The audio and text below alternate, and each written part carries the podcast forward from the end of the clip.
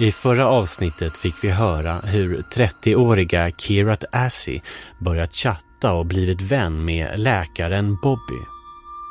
Men en dag när Bobby var i Kenya blev han skjuten och efter en tid i koma avled han, trodde Kirat. För en dag gav sig Bobby till känna. Han levde. Om än under mycket mystiska omständigheter. För att ta reda på mer pratar journalisten Alexi Mostros med Kirats vänner Sarah och Neron. Did you know anything about this witness protection program that he was in? I did actually, yeah, I did. I thought it was really, really odd. Actually, you know, it's like a mafia movie, isn't it? It's like you know, Goodfellas or something, you know. Det här vittnesskyddsprogrammet innebar att det fanns vissa saker som Bobby inte kunde prata om med Kirat. Som till exempel vem som sköt honom. Det innebar också att det ibland bara blev tyst från honom. So it was kind of like you'd hear her talk about him a bit, but then because of this whole thing about witness protection, it would go quiet for a long time and she, she wouldn't hear from him. Kirats vänner Sarah och Neran har svårt att få Bobbys plötsliga död och återuppståndelse att gå ihop. So there was a period when when Bobby got shot, and then he was he was in a coma, Right. and then he started to get better, Right. but then mm-hmm. he died, Did he die? Okay. and then End of Act One. Act Two he comes back alive. three weeks later, yeah, he's alive. He's alive He's alive. because he's been put in witness protection. Where was he? Where did he come the back alive? US. In the US, right? Den här saliga blandningen av fakta och fiktion, fantasi och verklighet kan bli ganska förvirrande för en utomstående. Men inte för Kirat. Hon minns varje detalj. one day after Bobby had passed away, it must have been about May, probably, I think, where I had a message from SC, Bobby's widow, SC, så kallar vi Bobbys änka. SC, who had been told to fly to New York from Nairobi. So she was in New York and she said to me, I had to know something, but she couldn't tell me, and I had to speak to Simran. Simran, det är Kirats syssling, eller kusin som de kallar varandra. And I was like, okay, what do I need to know? I'm not really that close that I needed to know anything, or but I was just being there for her. And while I was at work, then um, about half an hour later or so, Simran called me, and I remember taking my phone, leaving the office, going out onto the piazza to take the call, and Simran told me that Bobby was actually alive and he'd been in witness protection, which which was a bit of a like shock because he like but he died. Yeah, I just just dumbstruck, speechless.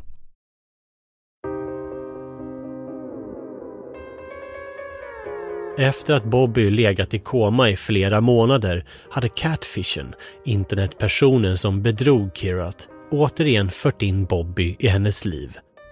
Året är 2014. Bobby levde under stort hemlighetsmakeri i New York. Och det är nu som bedrägeriet eskalerar i komplexitet och omfattning. Och snart också i en emotionell utpressning. Inom loppet av några år har bedragaren nästan total kontroll över Kirats liv. För att förstå exakt hur det här kunde hända måste vi ta oss igenom händelseförloppet ur Kirats perspektiv. Inifrån hennes huvud, utifrån vad Catfishen fick henne att tro på. Och pröva själv, för varje steg i berättelsen, ställ dig frågan, vad hade jag gjort om jag var Kirat? Det här är Underbara Bobby, en poddserie i sex delar av Toroys. Översatt av produktionsbolaget Banda för Podmi. Jag som berättar heter Hugo Lavett. Avsnitt 2. Vittnesskydd. Det här är det sista avsnittet av Underbara Bobby som vi släpper här. Vill du höra alla sex avsnitt och få veta sanningen om vem Bobby egentligen är? Besök podmy.com, starta ett Podmy Premium-abonnemang och prova kostnadsfritt i 14 dagar.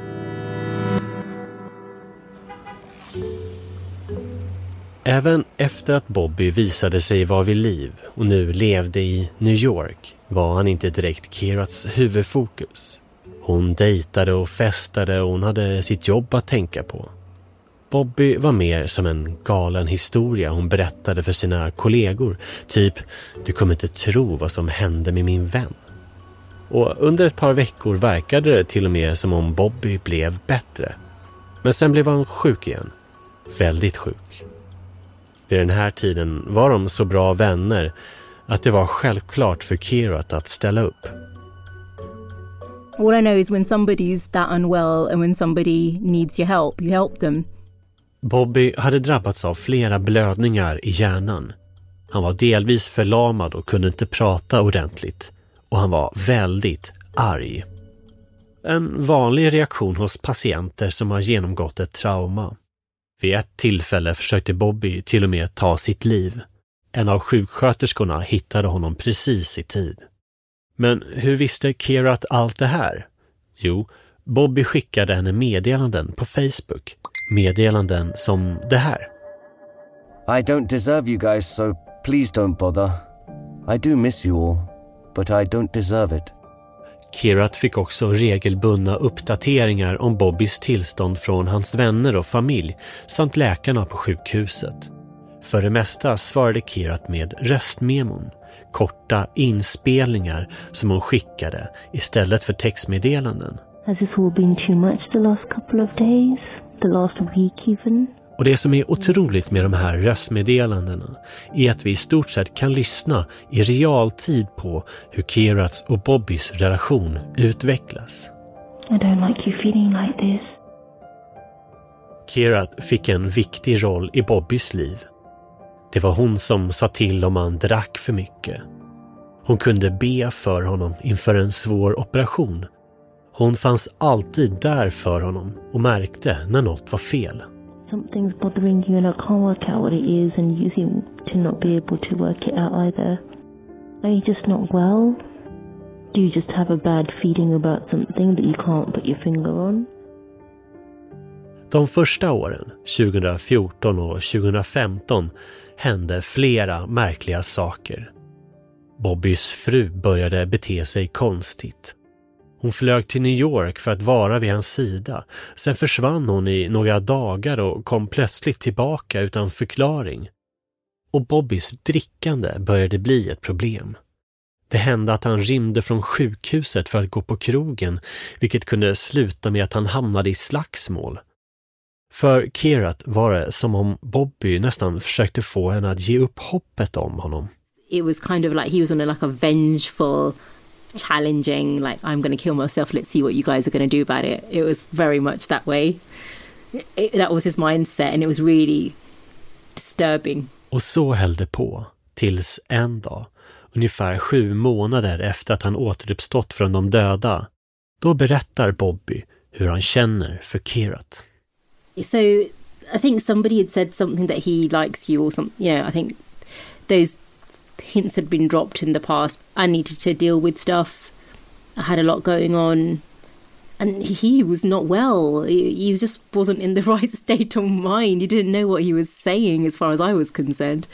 He was very delicate, you know, fragile. I think we'd had had him sectioned in the hospital at one point.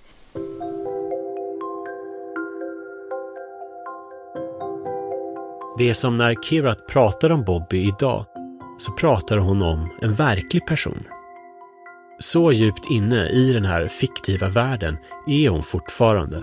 I think I did at some point say it to him that I don't think you you know what you're saying kind of thing. Kirat trodde först inte på Bobby när han yrade om att han var kär i henne. Han verkade inte vara vid sina sinnesfulla bruk. Men Bobby insisterade. But then I, I then I had the whole thing is you're belittling my feelings and you're just telling me they're not real, I am, I do know what I'm saying, kind of thing. And then he started telling me how far back his feelings for me went and all that kind of När Bobby berättade hur han verkligen kände hade det gått fyra år sedan hans första meddelande. Det här var ingen blixtförälskelse. Det här växte fram långsamt. Och långsamt växte även känslorna hos Kirat, även om hon hade vissa tvivel. Now, obviously, I, I do, did have feelings for him, whether they were the right kind of feelings. Question mark, massive question mark. Because everybody kept saying it to me, and then his life expectancy was so short. We knew he wasn't going to last for months. He could die with this next operation. And so it was a case of he deserves happiness for the time that he's got left. And it's not like I can do anything physical with him or anything like that. So it's I wasn't worried about that side of things. It was more granting his kind of dying wish in a way. So I cared about Bobby a lot.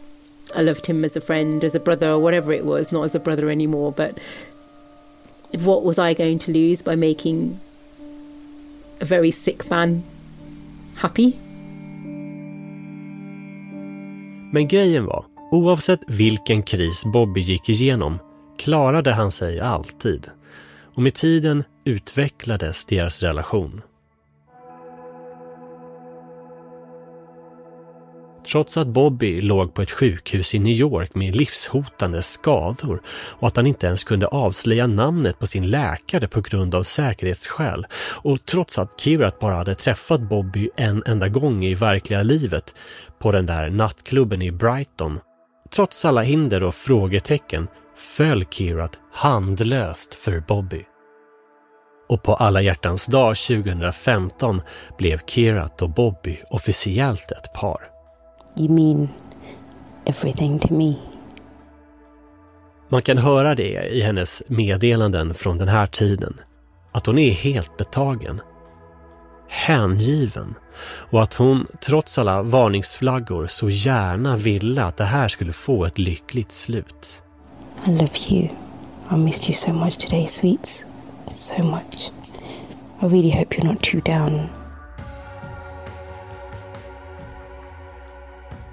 Today I caught myself smiling for no reason. Then I realized I was thinking about you. This is torture. I love you so much. Please don't ever forget. Alla som varit i ett långdistansförhållande vet att det inte alltid är enkelt. Man kanske kämpar med tidszoner och fysisk abstinens. Men många får det att fungera.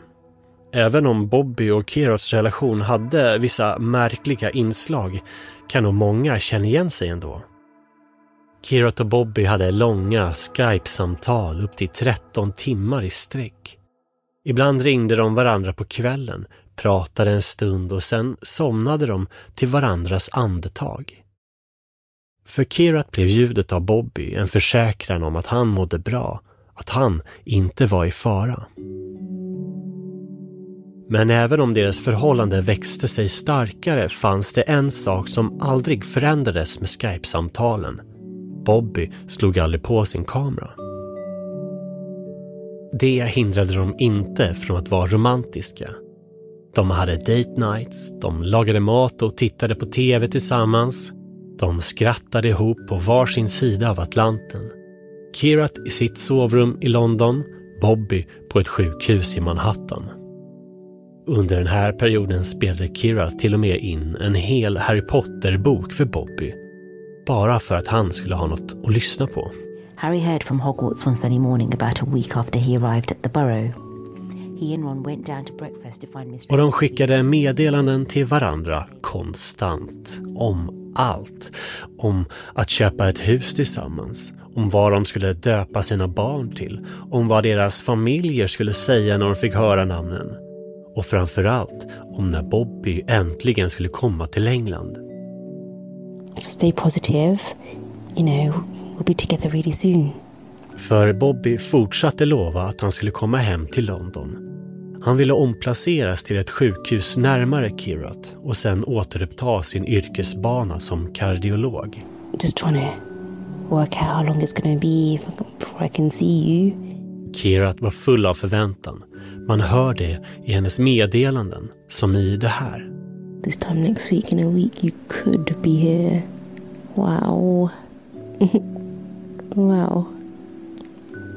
Still deciding what I should be wearing to pick you up. I'm so excited.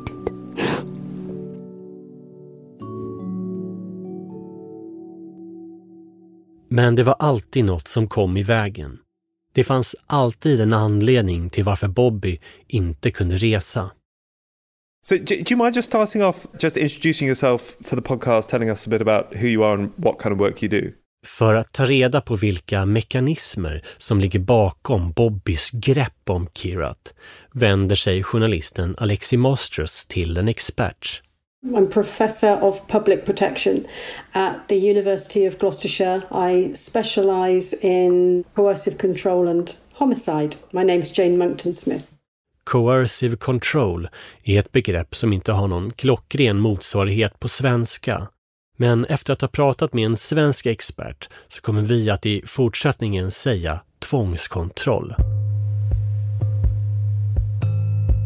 Tvångskontroll är en sorts psykisk misshandel där någon använder hot eller manipulation för att isolera ett offer eller beröva dem deras självständighet. Och det Bobby höll på med är ganska typiskt för en kontrollerande relation. Han skapar hinder. The research suggests in an ordinary relationship you might meet someone, you you know that thing, oh love at first sight. That has a shelf life. It develops into something else. It develops into something more grounded and maybe stronger and more mature. But where there are barriers to the relationship reaching a conclusion, that stage can last much, much, much longer and retain that intensity. It never gets to that stage really where it's developed into, you know, a mature, uh, equitable relationship between two people. Bobby började höra av sig allt oftare. När Kirat inte höll telefonen i sin hand som när hon körde eller hade den i väskan hörde hon den ständigt vibrera. Det var Bobby som gjorde sig påmind. Påmind, men inte hörd. För trots de tusentals meddelanden som Kirat spelade in och skickade till Bobby svarade Bobby alltid i text. Han talade på Skype, men hans röst var bara som en viskning. Anledningen var att hans stämband skadats efter en operation. När Kirat i efterhand har gått igenom Facebook-meddelandena mellan henne och Bobby blev det uppenbart. Den här frånvaron av en röst. Ingenstans gick det att hitta en inspelning av hur Bobby lät. Skype sparar inte samtal och han talade inte in ett enda röstmeddelande. Var det en medveten strategi? Ville Catfishen inte att hens röst skulle bevaras? Det finns bara ett sätt att höra Bobby. I Kirats röstinspelningar kan man höra att Bobby skriver till henne.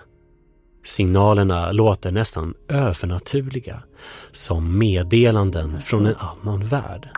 I'm gonna have to measure up your thumb first. As long as it's not like more than a third bigger than my thumb. I have small hands. Hörde du signalerna? Det är catfishen. That's not cute. Vid det här laget var Kirat verkligen förälskad i Bobby. De var två vuxna människor som försökte få ett långdistansförhållande att fungera. Men hur gjorde de med det fysiska? Your relationship with, with Bobby did develop um, uh, an intimate side as well. Yeah. As in, we had an intimate relationship, but it wasn't obviously not physical. And there was no, um, you know, people like sordid details, but there were no like photos or videos or anything. It's, yeah. So there was nothing like that at all. Nej, Kiras relation till Bobby var inte fysisk, men den var intim. Och det var mycket med deras förhållande där i början som var fint. Som att läsa Harry Potter och date nightsen. Men även de ljusa stunderna är en del av ett mönster när det kommer till tvångskontroll, berättar experten Jane Monkton Smith. So, in coercive control, generally speaking, there is a stage right at the beginning that um, in the early relationship, and it's often referred to as the honeymoon stage, where one, one or both people will be representing themselves as maybe a little bit different to who they actually are. They're going to put themselves in the best possible light. And very controlling people will want to um, be able to establish their control over a person incredibly quickly. So, what they tend to do is bombard the other person with um, romance and, and love and that kind of thing, which can be very persuasive. But they will often pull back all of a sudden to make that person crave the attention again.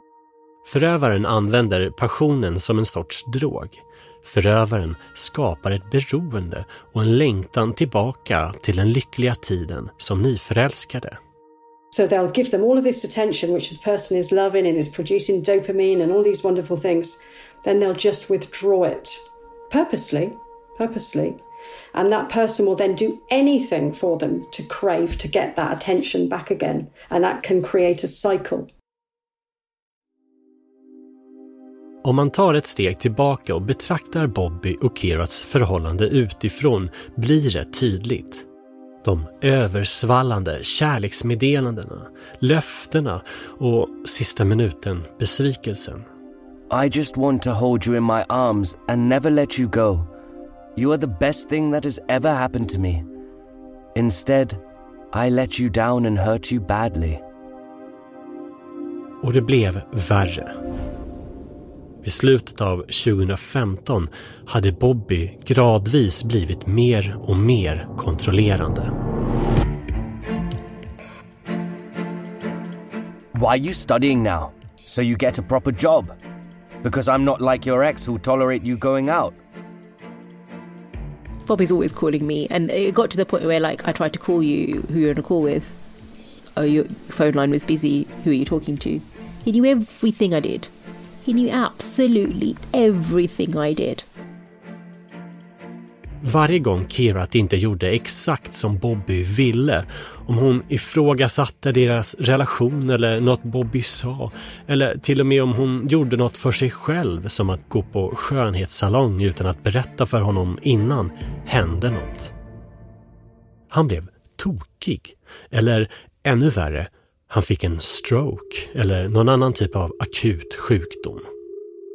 Och ofta var Kirat i andra änden av telefonen när det hände. Mellan 2015 och 2018 avlöste krissituationerna varandra. All these things were constantly happening. He's had a mini stroke, he's had a this, he's had a that, he's got another clot in his head, he needs to be operated. And these big things became normal. I can't keep a track of how many, I mean, it was the norm.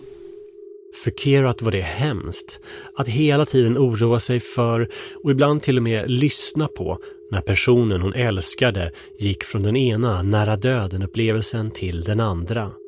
Experten Jane Monkton Smith ser det som ett typiskt beteende i en tvångskontrollrelation och att situationen förvärrades av att allt hände online. In a situation that is only online, you're you know, your choices are limited, aren't they? And if you really think this person's going to leave, probably you're going to start panicking. So you're going to do something big and dramatic. I've seen in some cases that as somebody's walking out the door, they'll suddenly get a marriage proposal to bring them back if this is online, if somebody's feigning a heart attack, you have distracted them from leaving you. They're not going to walk out and leave you now. They're going to get an ambulance. They're going to worry about you. There's going to be follow up. They're going to, how are you? They have guaranteed contact, given them time to manipulate the situation back into their hands. Och det var inte bara de ständiga nödsituationerna och skam och skuldbeläggandet. Bobby blev svartsjuk. Väldigt svartsjuk. På personer som ringde in till Kirats radioprogram, på sånt hon postade på Facebook. You're not as innocent as you make yourself out to be. Biggest fucking joke. till och med på hennes vänner. I wasn't even allowing my friends to hug me, to comfort me. I'd be like, just don't touch me. I belong to Bobby because I was scared of what he might think, even though he didn't know I was there. I just wanted it to be very clear. I wanted the lines to be very clear. This is not, you know, I was just so scared of being accused of doing something wrong. Jag tillhör Bobby, sa Kirat till sina vänner när hon avvisade dem när de försökte krama henne. Journalisten Alexi Masters pratar med vännen Neron. Did she ever talk to you about any behaviour on Bobby's part that you thought was controlling? Yeah, I think she did. Now you're saying it, I remember. Yeah, and he was quite controlling and he was quite possessive. And I thought that's a bit odd as well. If he's not here to see you, why is he controlling? Why is he possessive? Basically, she would dance to his tune, which was really annoying for me. It's like, who is this guy, you know? To make you, my friend, behave in this way, to become so subservient and kind of like fear, it felt like. It felt like she was um, acting out of fear, fear of, of upsetting him. Om Bobby ogillade något Kirat gjorde kunde han hota med att vara otrogen med en av sjuksköterskorna som tog hand om honom. En kvinna som hette Maria. Fuck it. I'm going out with Maria for a walk. Don't bother calling me tonight. I might be with her. Kirat blev sjukskriven på grund av stress. Hon gick ner i vikt. Hon slutade prata med sina vänner. Hon slutade på sitt älskade extrajobb på radiostationen. It is the Fungaroo Show. Do you remember a time when all this was happening when you, you saw her and you, you you were shocked by how she how she looked? Yeah, I was actually shocked at how much weight she lost because she was really thin. And I obviously didn't want to go on about it because you know you don't want to make her feel conscious about it. But I was like, oh my god, she's really lost a lot of weight. Yeah, she she didn't look she didn't look good. You knew she was stressed. You knew she wasn't eating properly, and she would say she's not eating properly. And it's the sort of thing like we'd meet up for lunch, and I'd be like, "Carrot, you need to eat more because you're wasting away." Bobbys kontroll över Kirat eskalerade ju längre tiden gick. Som en gång när Kirat kände smärta i bröstet och Bobby pressade henne att göra en mammografi för att se om hon hade cancer. Han var ju ändå läkare. Varför skulle hon inte lyssna på honom? Bobby lovade att han skulle vara med på undersökningen. Men än en gång bröt han sitt löfte. Han kom inte fram till London i tid. Kerat gick på undersökningen ensam och sen, när Bobby fick höra att läkaren hade varit en man, blev han helt hysterisk. Hur vågade hon låta en annan man röra vid henne på det sättet? Det här var i april 2016. Då hade Bobby vid sex tillfällen lovat att komma till England. Något som inte hade blivit av. Kerats familj hade börjat undra. Men den sjunde gången verkade han faktiskt mena allvar och Kerat gick all in. Bought new things for the house, like new bins, sorted out new cutlery and crockery, totally repainted the kitchen units, stripped them down, took them into the garage and I was painting them. Hon tog sex veckor ledigt från jobbet, varav det mesta obetalt.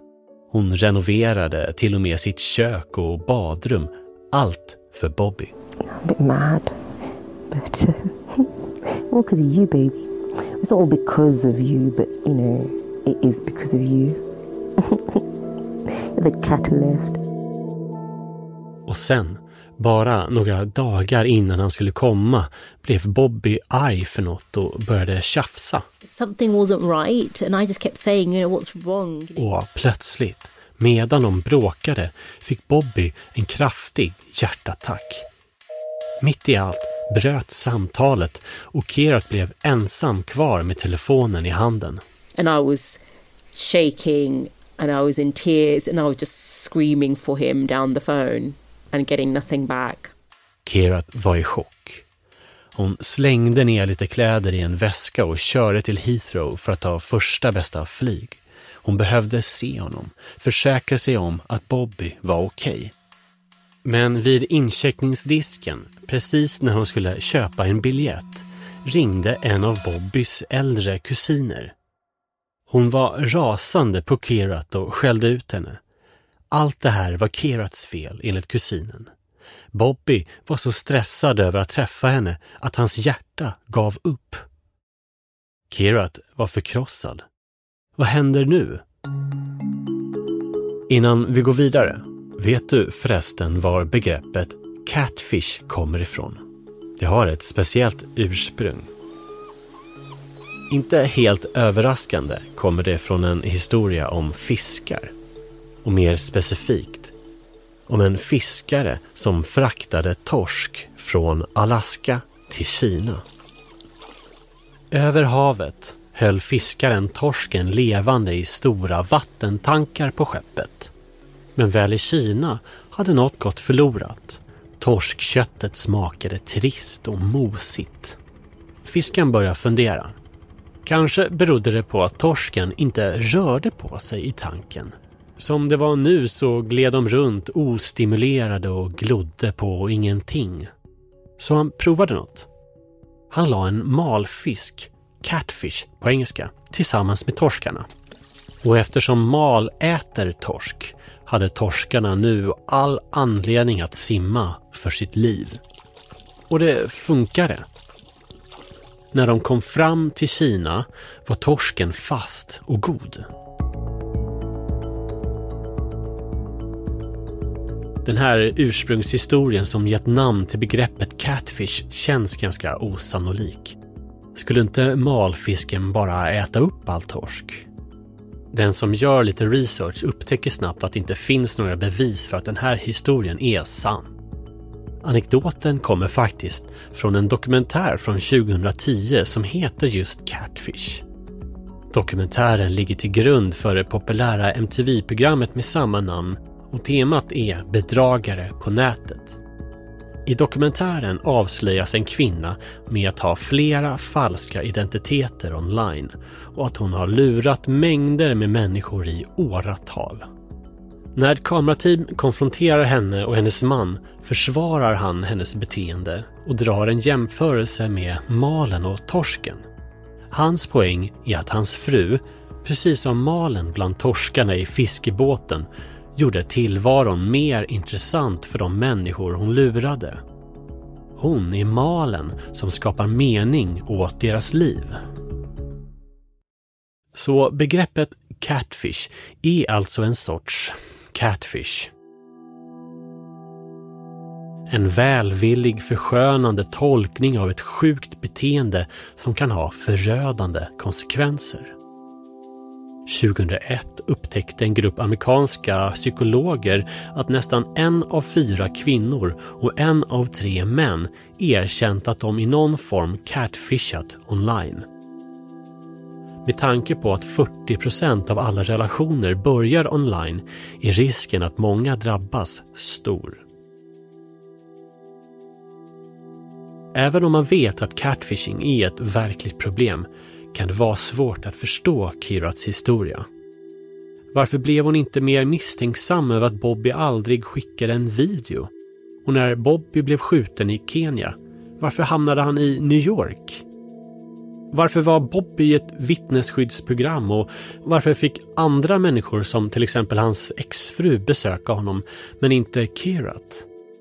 Det är lätt att tro att Kirat är lite lättlurad. Men när man förstår mer om bedrägeriet, hur kreativt och sofistikerat det var, blir man motvilligt nästan lite imponerad. Som till exempel en dag när Bobby bad Kira att hjälpa honom välja kläder till sin son.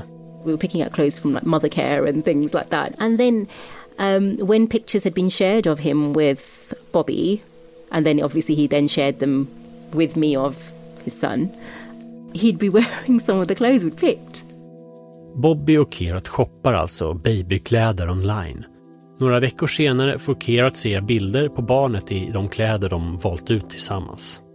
Det måste väl betyda att Bobby existerar, eller hur? För hur skulle det här annars gå till? Jo, så här var det. I förra avsnittet fick vi ju veta att Bobby finns i verkligheten. Det vill säga, det finns en verklig Bobby där ute som är separat från karaktären som Kirat pratar med. Och på något sätt fick bedragaren tillgång till hans bilder, inklusive en bild på Bobbys riktige son. Bedragaren hade alltså lyckats lista ut var barnets kläder hade köpts och sen lurat Kirat att tro att det var hon som valt ut kläderna. Kreativt, eller hur? Sen har vi ju den kanske främsta anledningen till att Kirat så förbehållslöst trodde på Bobby. Det var alla personer runt honom. Bobby var som sagt långt ifrån den enda personen som pratade med Kirat. Han var en karaktär i en enorm ensemble. En gång till exempel gick Kirat med i en Facebookgrupp med omkring 20 medlemmar från Bobbys släkt och vänner, varav flera Kirat kände igen. You know, I was like really happy that he was doing this, obviously, because he's taking the step into introducing me to his family. Bobby hade lovat att presentera henne för sin familj och sa att det här var ett bra sätt att göra det på. And, you know, there was loads of banter and jokes in there about Bobby and his cooking and his behaviors and the things he'd done and liked in the past. De flesta var schyssta mot Kirat. it was nice. They were all, everyone was really nice and warm and welcoming, apart from one of the sister-in-laws who's very close with SC. Um, she left the group. En i gruppen stod nära Bobbys exfru SC och ogillade Kirat av den anledningen. Men hon var fejk. Alla i gruppen var fejk, skapade för att lura Kirat. Vissa av dem var helt påhittade Andra var baserade på verkliga människor. Och Catfishen låg bakom allihop. Karaktärerna integrerade med varandra som om de hade självständiga liv.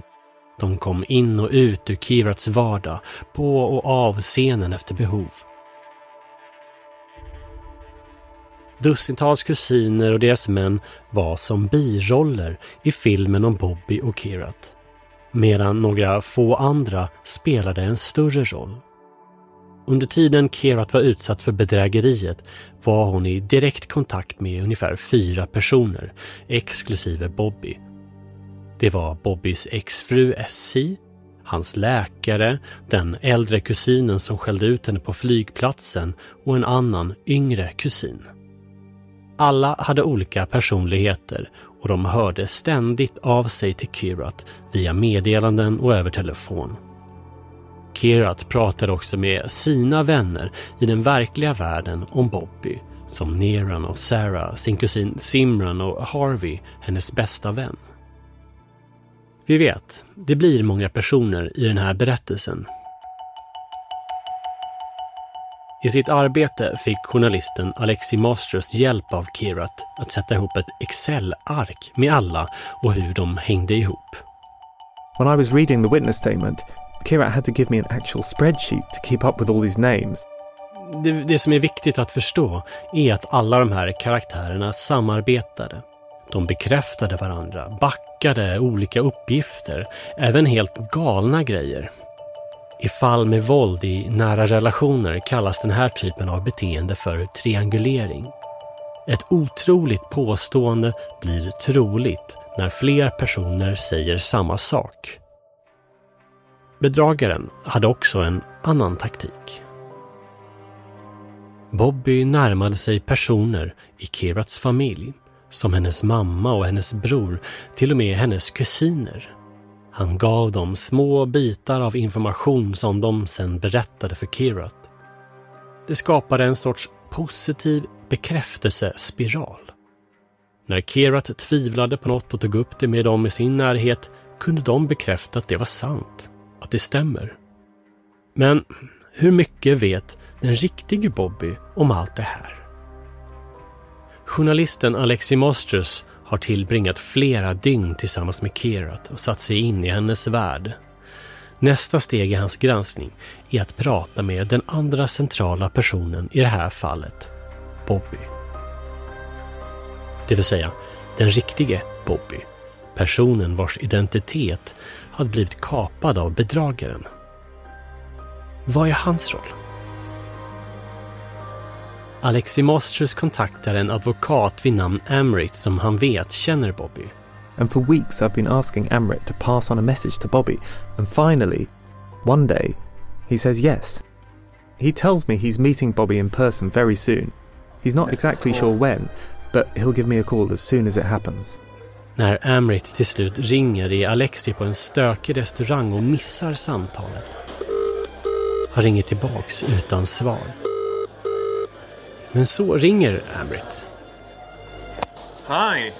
Hi, Alexei. Sorry about that. No, don't worry. So you spoke to Bobby? Yeah, I spoke to him and him and his friends. It worked out really well. Um, um, Bobby är helt förståeligt nervös. Men han kanske är villig att prata med Alexi. So we have to kind of go through some processes. Like he's still a bit anxious, so we have to go down to Brighton to see him. Steg för steg börjar Alexi närma sig Bobby. Och tillbaka i Kirats värld börjar även hon komma närmare Bobby. Den falska Bobby. I just wanted him here, and that was kind of the be all and end all. And he seemed to finally understand, and he just said, "I think, I, I think this is the way it happened." I hope I'm not confusing it with so there's so many other times that he said he was coming, but it was a case of literally, I, I need you here, and that's it. And he was like, "I'm coming." This is our year. Love you so much.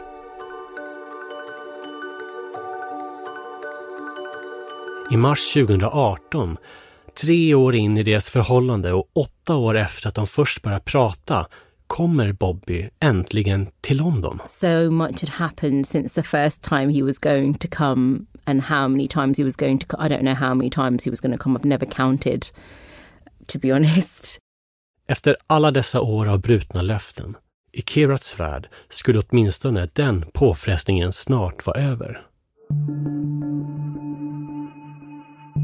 I nästa avsnitt av Underbara Bobby faller en stor del av pusslet på plats när bedragaren avslöjas. Would you characterize the relationship between Bobby and Kirat as a, a coercive control relationship? I'd characterise it as high risk coercive control. What do you mean by high risk? High risk of um, Kirat suffering some kind of harm, serious harm.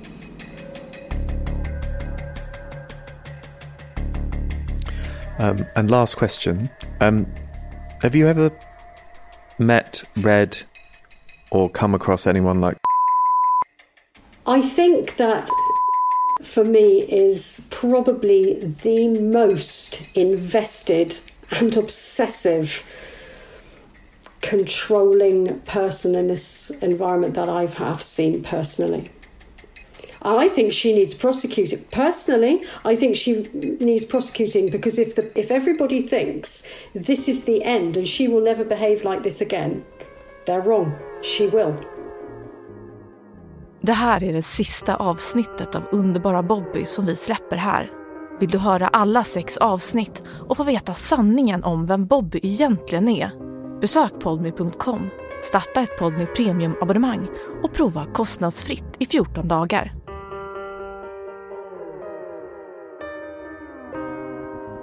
Du har lyssnat på Underbara Bobby, en poddserie av Tordoys Översatt av produktionsbolaget Banda för Podmi. I redaktionen Lovisa Lam Nordenskjöld, Erland Edberg, Thomas Henley och Hugo Lavett. Exekutiv producent för Podmi är Timmy Strandberg.